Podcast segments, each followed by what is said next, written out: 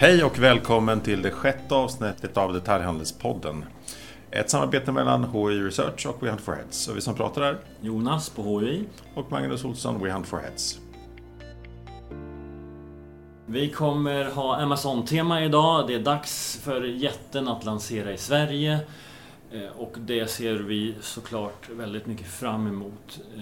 Men givetvis är det så att vi inte kan ha ett eh, avsnitt utan coronaanalys, så det kommer vi börja med. Då säger vi så varmt välkommen till eh, Jakob Wall. Du är affärsutvecklingsdirektör på Axel Jonsson. Kan ju eh, allt om Amazon. Har till och med varit där och träffat dem. Representerar ju Axel Jonsson-koncernen med alla de bolag som ni äger och har otroligt bra koll på den svenska handeln. Eh, Vi är jättestolta att du är med. Välkommen! Tack snälla, kul att vara här. Du kan väl börja med att berätta, vem är du? Ja, jag började här på Axel Jonsson för nästan exakt fem år sedan. Jag sitter i koncernledningen, ansvarig för affärsutveckling. Dessförinnan så arbetade jag eh, i nästan 18 år i finansvärlden, lite olika roller och former. Men röd tråd under hela min yrkesverksamma tid har varit analys, strategi, investeringar med fokus på konsumentrelaterade företag. Och vad gör du på Axel Jonsson?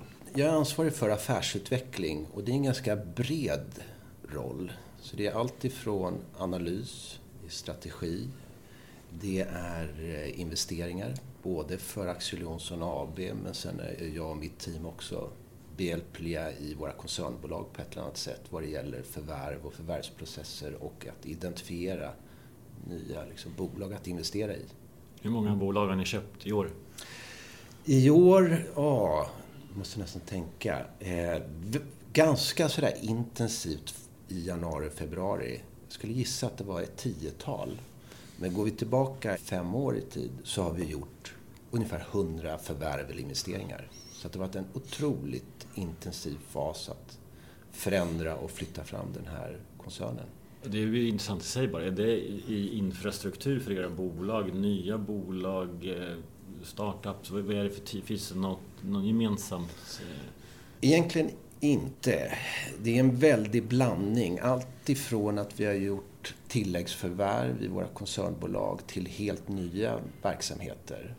Så under förra året så investerade vi i solenergibolag, fyra stycken. Helt nytt tema för oss, helt ny bransch. Det man kan konstatera är att av de ungefär 100 förvärvinvesteringar som är gjorda så är ett relaterat till fysisk handel. Så det har inte varit speciellt mycket detaljhandelsinvesteringar i form av nya verksamheter. Och där del- är vi redan så himla Ja. stora. Men, och berätta om den här, ni, för ni har ju den här 10-50, 50-10-regeln. Det är liksom en del i den strategin också. Det är absolut en del i den strategin. Eh, Vi hade ju ett generationsskifte här för nästan exakt fem år sedan. När eh, Caroline Berg tog över som styrelseordförande från sin mamma eh, Antonia Axelsson Jonsson. Och i samband med den så sattes en ny strategi som heter 1050 som innebär att om tio år så ska 50 procent av vår verksamhet var sånt vi inte gjorde tio år tidigare. Och den, det är en kombination av organiska förändringar och initiativ till investeringar och förvärv. Och, och vi ligger väldigt väl på den utvecklingsplanen, ambitionen. Det man också kan säga under den här femårsperioden så har det hänt väldigt mycket i Axel Jonsson-gruppen. Hela koncernledningen här är ju ny. Mia Brunell Lifors började som VD 1 juni 2015. Så hela koncernledningen är ny. Vi har nya vd i samtliga utav våra koncernbolag. Väldigt mycket nya personer, både här på Axel Johnson AB, huvudkontoret, men också i ledningsgrupper och i våra styrelser. Stort förändringsarbete på egentligen alla plan.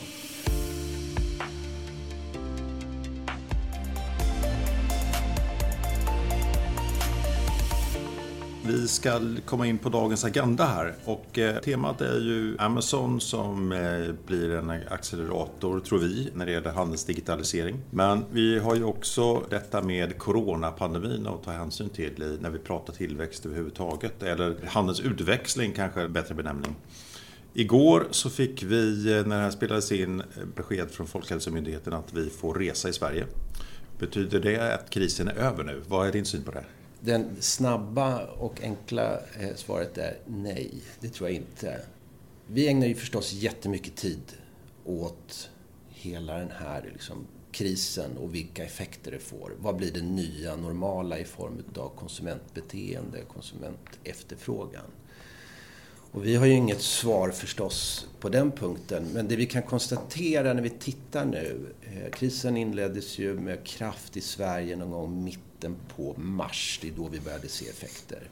Och vi är ju stora, eh, vi har ju 250 bolag totalt sett i hela koncernen. Så att vissa bolag går ju väldigt bra och vissa är förstås mer utmanande. Eh, och framförallt skulle jag säga att sällanköpshandelsbolag har ju haft en ganska utmanande period nu. Och lite beroende på bolag och lite beroende på geografi så såg vi ganska snabbt ett försäljningstapp på mellan 50 till 80 procent i värsta fall. Det där har blivit bättre gradvis. Eh, men det är fortfarande en bra bit till de nivåer vi såg 2019 eller det som vi förväntade oss i våra liksom, budgetar för 2020. Men det jag tror, när man tittar på sådana här makrochocker som vi är inne i eh, utifrån liksom ett historiskt perspektiv så landar man i att de brukar bli ganska utdragna.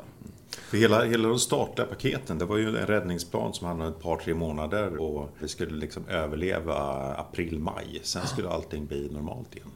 Alltså så här, när vi gick in 2020 så man ska inte glömma att vi har haft en otroligt lång period utav stark underliggande ekonomi. Jag skulle säga att vi nästan att ekonomin har varit på någon typ av steroider. Mm. Vi har haft en bättre miljö än vad som vi har sett liksom, historiskt sett i sådana här högkonjunkturer. Så väldigt stark underliggande liksom, makro som vi gick in i. Vi har haft en ökad konsumtion i det här landet varje år sedan 1997. Det är väldigt få länder i världen som har haft en sån utdragen och obruten trend. Jag tror vi är helt unika i västvärlden. Det ska man komma ihåg. Det jag tror när vi tittar nu, det är att vi kommer ha den högsta arbetslösheten på 20-25 år i Sverige. Det är det vi kommer sluta det här året med. Vi kommer ha första året sedan 1997 med negativ privatkonsumtion. Och det är klart, det här kommer få jättestora långsiktiga effekter. Och går vi tillbaka till liksom andra makrochocker, recessioner och kriser så håller de i sig två, tre, kanske fyra år i form av liksom effekter. Jag har inget svar här nu, men jag är väldigt sådär ödmjuk över liksom vad som är att vänta oss. Ja, vi har inte ens kommit in Vi är fortfarande i... Alltså man kan ju vara glad över att det värsta kring viruset börjar stabiliseras. Och så. Men vi har ju inte riktigt gått in i lågkonjunkturen. Och, och konsumenten har ju verkligen inte gjort det Konsumenten har inte gjort det. Man har sett, det är vissa branscher som, som har drabbats väldigt hårt och vissa branscher som har gått liksom än bättre i det här. Men jag tycker när man tittar på det och liksom, som man bör fundera på, det är ju att vi har ju haft stora liksom, strukturella utmaningar. Även om vi har haft en, liksom, en ekonomi som har varit på steroider och en konsument som har mått väldigt bra, så har vi haft en sällanköpshandel som har haft en liksom, tappat i form av marginal år efter år. Det är vad vi gick in i det här, drivet av strukturella skiften. Konsumenten rör sig mer digitalt och mer i lågpris. De här trenderna kommer bara accelerera i det som sker här och nu. Och om du tar en typisk, om du tar Sverige och tittar på sällanköpshandeln och det är all handel som inte är matkopplad. Tappar vi 10% av försäljningen och då ska jag säga att i praktiken är all svensk sällanköpshandel i förlust. Mm. Så sårbara är vi för att vi gick in i det här med så låga underliggande marginaler. Och det är rimligt att, att anta 10% Jag vet inte. Det är väl, alltså så här, Jo, men det tycker jag. Ja, alltså jag, jag vet inte, men, men, men där någonstans, 5, 10 eller 15 procent liksom lägre försäljning i den fysiska handeln. Och nu har vi bara pratat Sverige, men vi har ju också eh, en, en, global utveckling som inte heller är nödvändigtvis positiv. Jag tänker närmast på utvecklingen i USA som ju har drabbats hårt av pandemin och nu dessutom har accelererat i någon form av intern oroligheter. Vad, hur, hur, ser du på, på de globala följdverkningarna av pandemin? Räcker det med, med ett par, tre år för att bringa ordning i det här? Återstår att se. Och det återstår också att se vilken typ av stödåtgärder som kommer. Mm. Tittar vi på USA så har ju de varit väldigt eh, aggressiva med att ge stöd till företag och till liksom, privata eh, individer. Nästan 10 procent utav liksom, den totala amerikanska BNP går nu tillbaka in i någon typ av stödåtgärder. Och det är klart, den kommer ju gynna den amerikanska ekonomin och gör att de kanske lite snabbare kommer på, på fötterna. I Sverige så har det ju varit en rad olika stödåtgärder och initiativ som har blivit presenterade. Men inte alls liksom i närheten utav det som vi har sett i många andra länder. Och det jag tycker också är viktigt, om man tittar på liksom Sverige, svenska företag inom framförallt detaljhandeln kontra liksom andra länder. Vi hade ju en kris 2008 2009, det var en bank och finanskris, Lehman-kraschen. Det fick stora realekonomiska effekter i många länder, inte minst i USA, i Storbritannien och runt om i Europa. Vilket gjorde att redan då så omstrukturerades ganska många branscher. Många bolag slogs ut, man omförhandlade hyror och fick ner kostnadsmassorna. Så det liksom rensade upp den. I Sverige så hade vi inte den realekonomiska effekten. Fick inte samma spridning ut i ekonomin hos hushållen. Vi har inte haft den här stora liksom, omställningen. Så vi gick in i det här lite liksom svagare, skulle jag säga, mm. än många andra länder. Vilket gör att vi sannolikt också kommer ta liksom längre tid för oss att komma ur den. En större liksom strukturomvandling som, som krävs. Jag är ödmjuk och jag tror att det här kommer få långvariga liksom konsekvenser.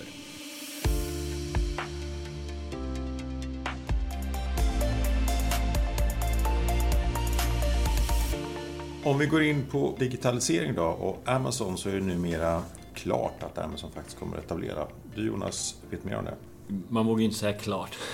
Det känns som att vi har pratat om Amazon nu i tre år, något sånt där.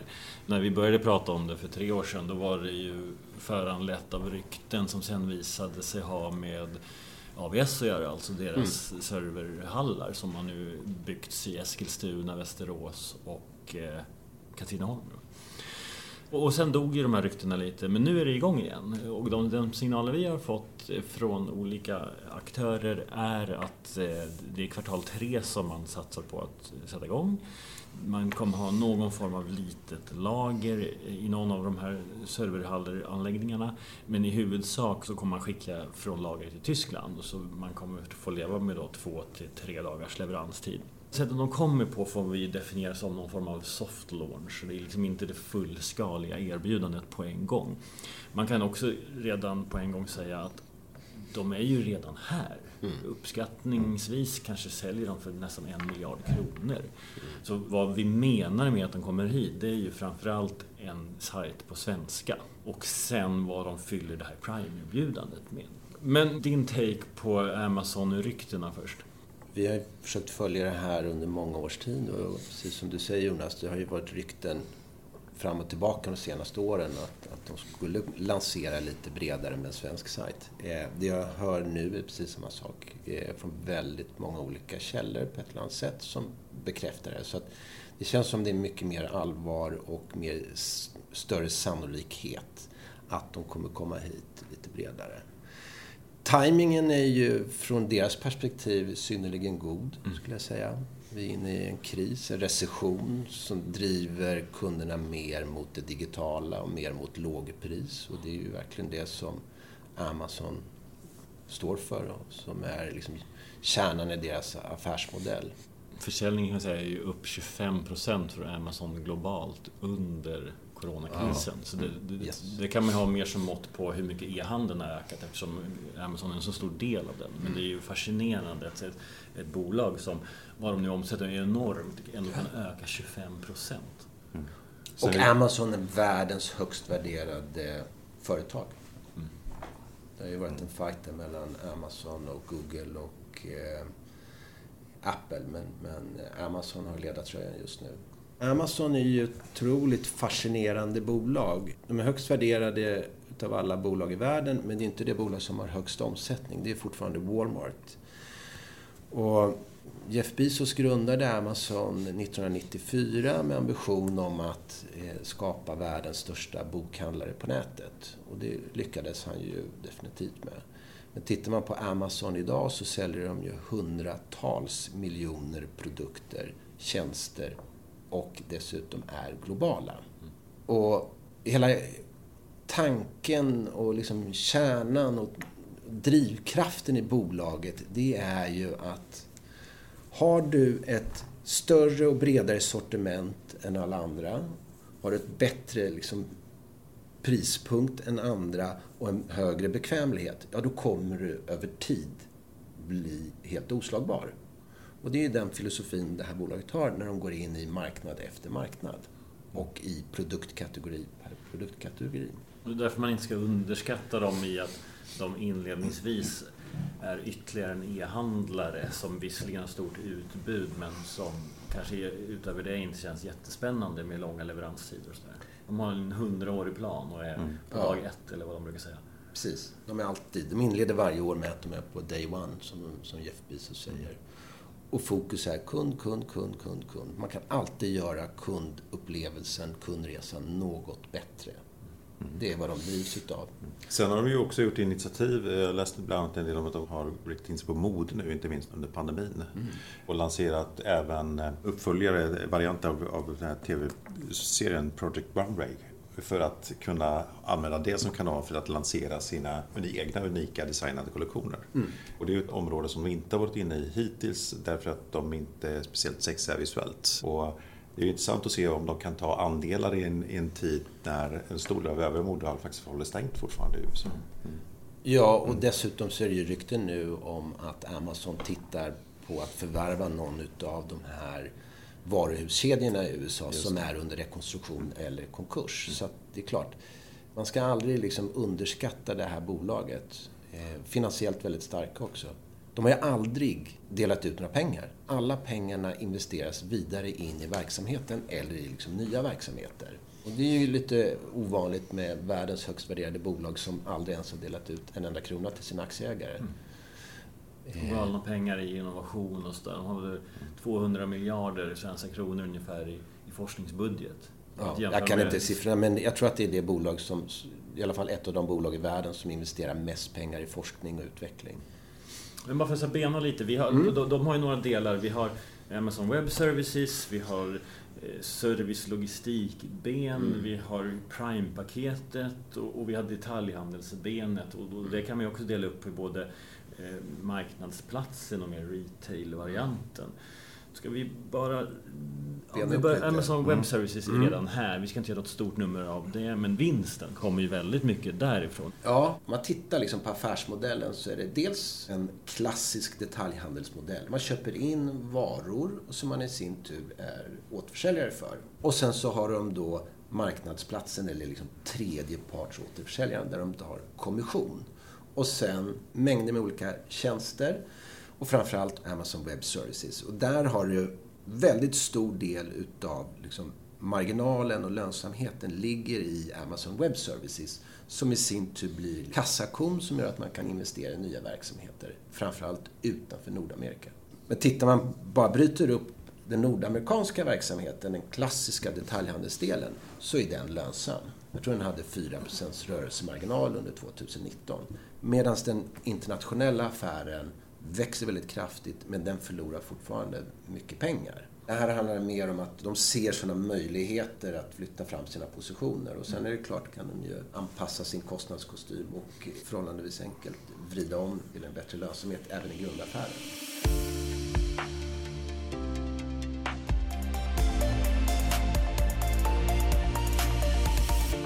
Om man får spekulera lite då. Varför tror du att man kommer till Sverige nu? Liten marknad, långt borta, ett avlägset hörn. De finns redan idag. Mm. Jag tror man har en ganska bra bild av den svenska konsumenten.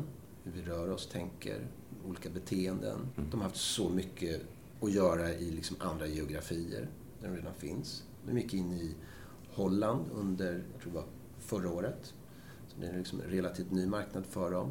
Så jag tror mer fråga om liksom timing. Och det är klart, som vi sa tidigare, hela den här liksom recessionen och, och, den förändring det skapar i form av beteendemönster hos konsument, den är ju som hand i handske för Amazon.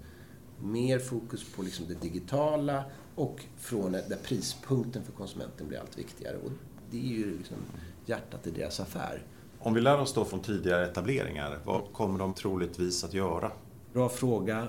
Jag har ju förstås ingen aning om vilka liksom, kategorier som man kommer att lansera eller liksom, hur erbjudandet ser ut. Det brukar ta ett tag innan man lanserar Prime, som är deras medlemskapserbjudande, som har varit en av grundfaktorerna för, för framgången. Där man börjar kanske med lite bredare kategorier som just funkar och eftertraktade i den geografin. Typiska e-handelsprodukter. Typiska ja. e-handelsprodukter, ja. Och så kommer man väl liksom lära sig över tid och addera på fler liksom kategorier, skulle jag gissa. Mm. Men Prime-paketet, tror du det kommer i hyfsat närtid? Jag skulle säga att Prime har varit en av liksom, faktorerna bakom framgången. Mm. Alltså Jeff Bezos som grundade Amazon, han har ju tittat på andra bolag och vad som har varit liksom, framgångsfaktorer. Och den ena är Walmart, det är liksom lågpris, det breda sortimentet som, som, som man tog därifrån. Och sen Costco, som är stor amerikansk dagligvarukedja.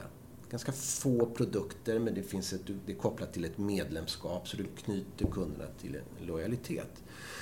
Och Prime funkar så att du betalar ungefär 100 kronor i månaden och då får du fria leveranser och lite beroende på geografi så kan du få samma dag-leveranser. Men du får dessutom ett väldigt stort film och serieerbjudande. Du får sporträttigheter, du får ljudböcker, finansiella tjänster och så vidare. Så du liksom låser in kunden i det här erbjudandet. Och hittills tror jag man har 150 miljoner Prime-medlemmar globalt sett. Mm. Så den är viktig. Och när, om man kommer med den i Sverige eller i, och i vilket, jag vet inte riktigt. Men jag, skulle, jag tror inte att det är liksom det första steget. Utan här handlar det nog mer om att, lite mer som du är inne på, skulle jag gissa, lite mer liksom mjuk lansering och testa sig liksom fram. Vad är den svenska konsumenten intresserad av? Men en intressant reflektion där, som jag har på det, det är om man tittar på liksom svenska konsumenter och hur vi vi e-handlar och på vilket sätt så är ju vi skolade i att handla på nischsajter. Det kan vara skönhet eller sport eller heminredning. Eller varumärken för den delen. Man går in med en väldigt tydlig ambition eller man ska handla någonting och, och en kategori. Amazon och likadant Alibaba i, i, i, Kina, det är ju liksom breda marknadsplatser med liksom hundratals miljoner produkter. Det är liksom en helt annat sätt att navigera. Det är inte det här kurerade erbjudandet som, som vi är vana vid. Så det här kommer bli intressant att se hur den svenska konsumenten kommer liksom ta till sig ett ganska nytt sätt att handla på. Kommer vi gilla det? Det återstår att se. Men prispunkten kommer bli jätteviktigt. I USA så är ju Amazon, förutom att det är där folk till stor del e-handlar, så är det ju där man söker också på produkter. Mm. Vi går in på Google när vi ska söka en produkt kanske. Där går man direkt in på Amazon. Så att man kanske liksom googlar runt eller söker runt och identifierar olika produkter och sen så tittar du på Amazon vad det kostar. Dels får vi ytterligare liksom en stor liksom, detaljhandelskonkurrent på den svenska marknaden när Amazon kommer. Det kommer nog också innebära ytterligare ett steg vad det gäller deflation, prissänkningar. Och vad den får för liksom effekter i det stora hela, det, det återstår att se. Om vi tittar på branscher, vilka kategorier skulle du säga i ett första läge får en högre konkurrenssituation? Farligaste positionerna var i just nu då vid en liksom framtida Amazon-lansering, det är om din strategi är att ha lågt pris och sälja externa varumärken, då är du väldigt sårbar. Här handlar det om att du måste ha någon typ av unikitet i ditt erbjudande. Antingen att det är liksom väldigt kurerat erbjudande, du har ett tjänsteinslag på det, du har egna varumärken eller att du har liksom varumärken som inte får säljas på liksom andra plattformar. Mm. Den tror jag är jätteviktig. Men att ha liksom breda och inte ha någon unikitet i pris, leverans och så vidare, då, då, då blir du hårt utmanad av en aktör som Amazon. Är det nödvändigtvis så att det är lättare liksom att överleva som online-aktör än en traditionell kedja? Det återstår att se. All handel kommer inte vara digital. Det är vi alla överens om. Och det är till och med Amazon överens om. Menar, många av deras nya initiativ de senaste åren har varit att man förflyttar sig in också in i fysisk handel. Började med Amazon Books. Man köpte Whole Foods. Mm, mm. Man lanserade Amazon Go som är en sån här grab and go-koncept för mat. Amazon 4 Star som är alla produkter som rankas med fyra stjärnor eller fler säljs i den här butiken. Så det liksom förändras hela tiden. Och så nu så tittar man även då ryktesvis åtminstone på att förvärva någon av varukedjorna. Så, att, så att de ser också att Det kommer finnas ett behov av att finnas i liksom båda kanalerna.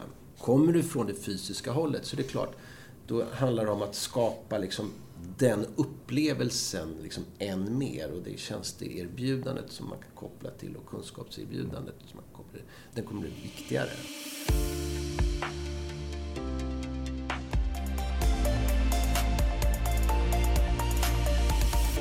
Det som krävs här oaktat liksom Amazon-inträde eller ej, så hade vi några liksom så strukturella utmaningar i den svenska detaljhandeln, framförallt den fysiska, innan vi gick in i liksom corona, innan Amazon eventuell lansering.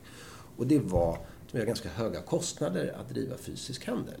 När vi tittar runt om i världen och jämför med Sverige så har vi kanske 50% högre kostnadsmassa, alltså hyror i relation till omsättning.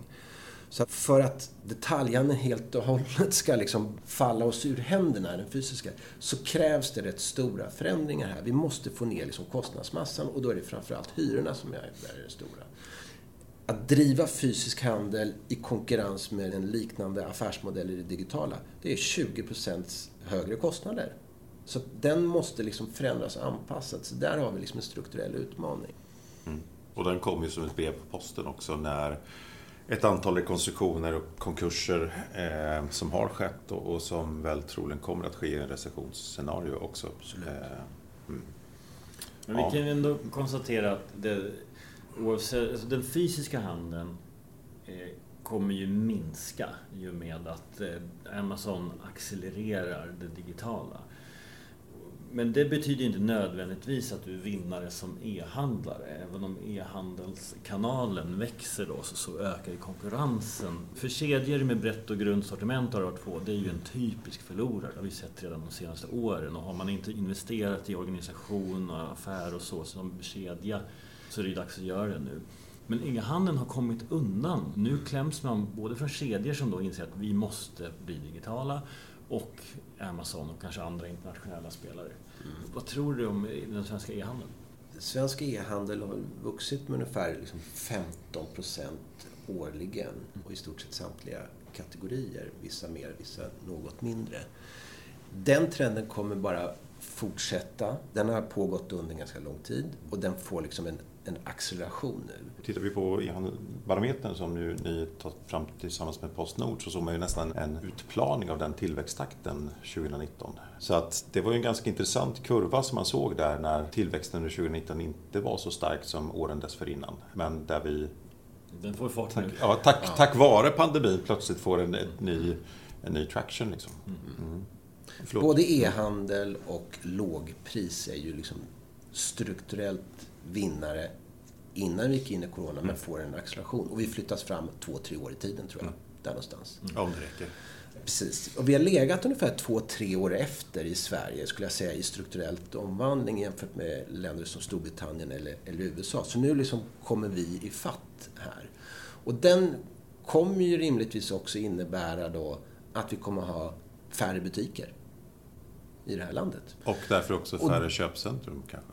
Vilket i sin tur då innebär att det fysiska liksom, erbjudandet minskar i attraktion vilket gör att konsumenten går direkt på nätet och då får du den här exponentiella effekten.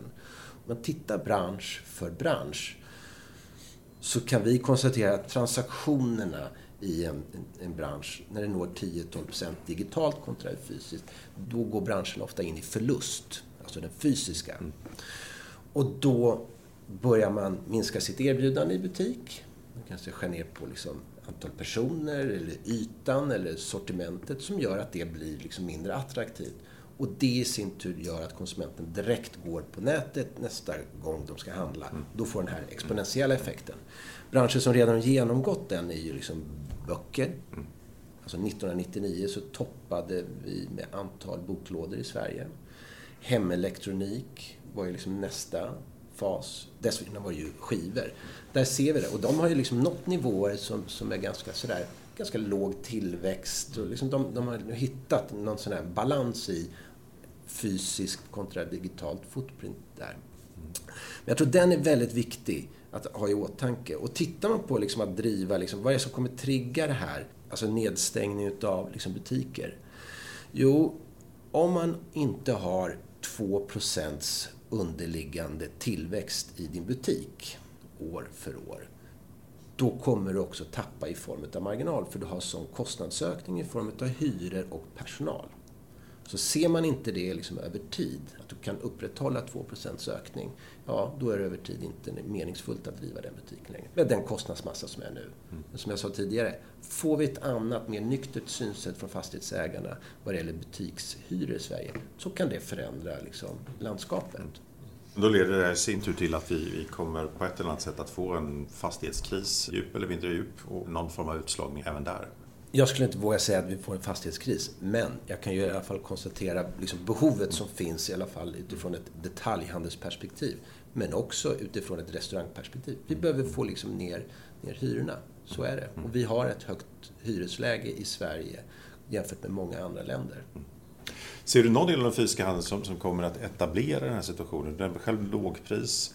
Eh, och vi ser ju också att, att e-handlare som nått en viss penetration online faktiskt etablerar fysisk butik. Mm. Finns det någon sån rörelse i, i det du ser framför dig? Jag tror ju lågpris är ju en jättestor vinnare. Eh, både i den fysiska världen som i den, i den digitala världen. Och det har vi också sett nu. Vi såg det innan pandemin men vi ser den en acceleration utav lågprispunkten som driver konsumenten. I och med att vi inte har haft någon sån här i modern tid stor liksom, makrochock så, så, har ju inte vi haft det här riktigt, det fenomenet. Det har liksom inte riktigt spridit sig ännu så brett.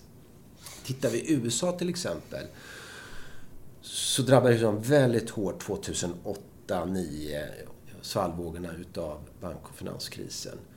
Som förändrar liksom beteendet där kunder som historiskt sett liksom handlat fullpris började liksom snegla och prova lågpris. De blir kvar där.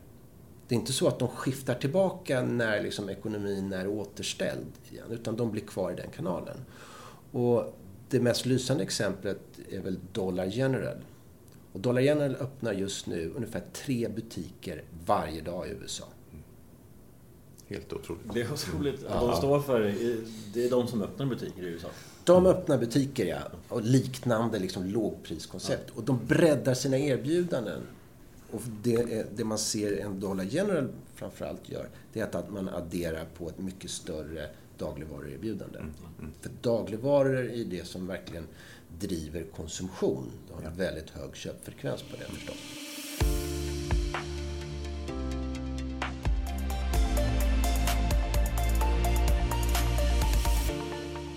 Fast vi har haft högkonjunktur har vi sett här hemma. Dollarstore, Rusta, men även Willys. Willys, Åhléns Outlet ja. och så vidare. Absolut. Mm. Så vi ser det här och vi liksom agerar och liksom positionerar oss. Ja. Nu, om man ska ta sig an Amazon eh, som kedja eller varumärke. Är det en bra idé att testa att lägga upp sitt varumärke på Amazon?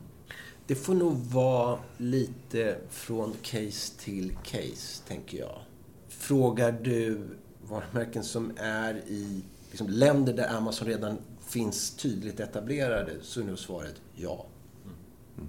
På den punkten. Det handlar ju mer om hur man ska förhålla sig till, till hela bilden. Där Amazon är en pusselbit och där man kan konstatera att ja, men nu kan vi se början på varuhustänket fast online. Eh, för att det påverkar också hela insteget till affären. Var börjar kunden sin köpresa? Får en utveckling som, som i USA, men då då är ju alla investeringar som du gjort på Google inte värdelösa, men betydligt mindre värda. Ja, mm. för den börjar på liksom ja. Amazon. Ja.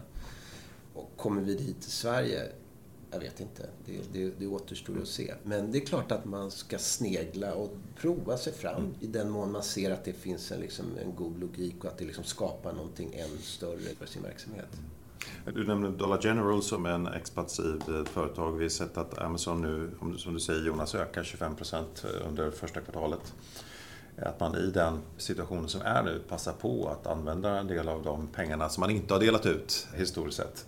För att också lära sig av den tillväxtresan som man har gjort. Alltså vi kan ju tänka oss att, att man, man sitter med en ganska god uppfattning om vad som leder till vad. Så att man kommer vara mycket mer aktiva. Och jag tror som detaljhandlare, om man har liksom en fungerande liksom affärsmodell idag, fortsätt bygg på det konceptet och, och förbättra, förfina det liksom ytterligare. Vad kan man sno från Amazon då i, i sättet de bygger Ta Fourstar som exempel. Ja.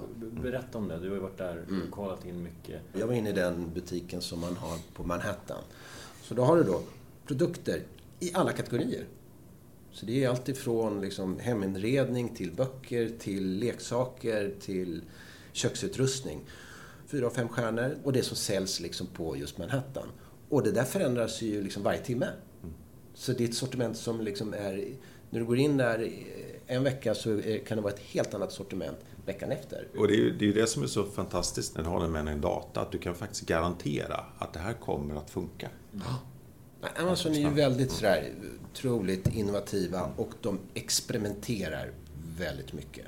Så det tror jag också är viktigt att ta med sig och det gäller ju liksom alla verksamheter. Att liksom stanna inte upp, stå inte stilla utan du måste hela tiden tänka nytt och förbättra, förfina ditt kunderbjudande.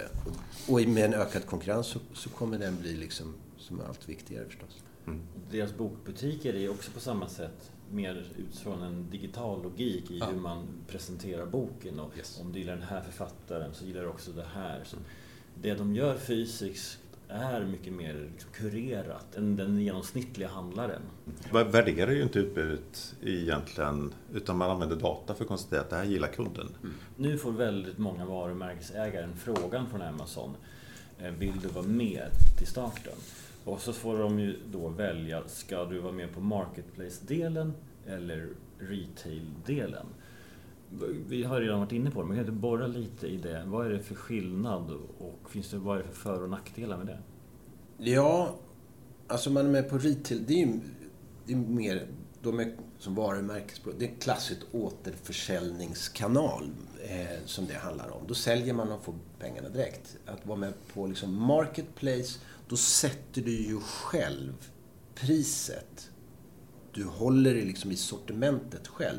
Sen kan man ju välja att antingen skeppa det från sin egen logistikanläggning eller att man får hjälp av Amazon som liksom driftar och sköter logistiken. Jag tror ju så här, det är klart det är från case till case, men att kanske snarare snegla på liksom marketplace-modellen där du liksom kontrollerar liksom prispunkten. Den tror jag är jätteviktig. Så att du inte liksom, för du, som varumärkesbolag så säljer du i så många andra kanaler också. Så att inte det här blir liksom deflationistiskt och liksom förstör för dina, liksom, både dina egna kanaler men också när du säljer till andra. Liksom, för du menar, att väljer du den andra då kan Amazon välja att dumpa Så kan de välja att dumpa priserna, ja. Helt och hållet. Och, och, men och marknadsplatsdelen, vet, vad, kostar, vad, är det, vad är det för avgift? Jag tror att det är, jag har inte de här siffrorna, men, men och det är förstås beroende på vad det är för bransch. Hemelektronik som har så låga marginaler har liksom en, en, en lägre liksom kommission. Och liksom, mode och andra produkter som har liksom hög marginal har, har högre. Men, men, så det är nog lite blandat. Men typ 10-15 procent? Det är något som sånt, dagens ja. Mm. hyra? Ja, något sånt. I det här rätt, tror jag ligger i snitt. Mm. Men jag tror det är viktigt, så här, man vill ju kontrollera, liksom, som varumärkesbolag vill du kontrollera liksom, prispunkten. Mm. Och det finns ju de som har valt att valt bort Amazon också. Ja. Som Nike till exempel, just för att man, man såg en Visst. En utarmning av varumärken. Ja, och väldigt många utav de riktigt sådär lyxvarumärkena har ju valt att inte gå i liksom Amazon-kanalen. Mm. De kan göra det med vissa liksom, produktgrupper kanske. Tror det är viktigt att kontrollera priset själv. Mm. Tack så jättemycket Jakob. Otroligt mycket bra kunskap och eh, goda råd. Och jag inbillar mig att vi kommer komma tillbaka till det här ämnet. Finns det någon anledning att göra det? Det känns ju som att vi har varit lite så deppiga för att det är ytterligare någonting som man måste ta sig an känns det som, som handlare. Det är också oerhört spännande och är man konsument så är det ju klart någonting som kommer driva på utvecklingen och skynda på bolag att ta investeringar som gör att handeln blir härligare. Och Amazon kommer ju inte vara bäst på allt, eller de är inte bäst på allting och de kommer inte ta över allting. Men vissa aktörer kommer ju utan tvekan få jobba igenom sitt erbjudande. Och den stora vinnaren på det här är konsumenten. Mm. Mm. Absolut. Stort tack för att du eh, tog dig tid. Tack snälla. Mm. Tack. tack.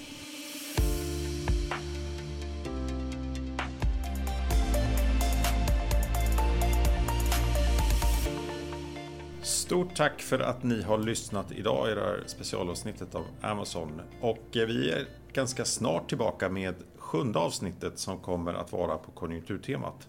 Och vad är det ni har gjort då Jonas? Vi släpper vår konjunkturrapport och det är ju såklart eh, kanske svårare än någonsin att eh, spå hur det ska gå. Men å andra sidan ännu viktigare att försöka göra det. Och vi benar i vad vi tror och det tillägnar vi hela nästa podd åt. Så ja. Välkomna då och återigen tack för att ni var med idag. Tack. Hej.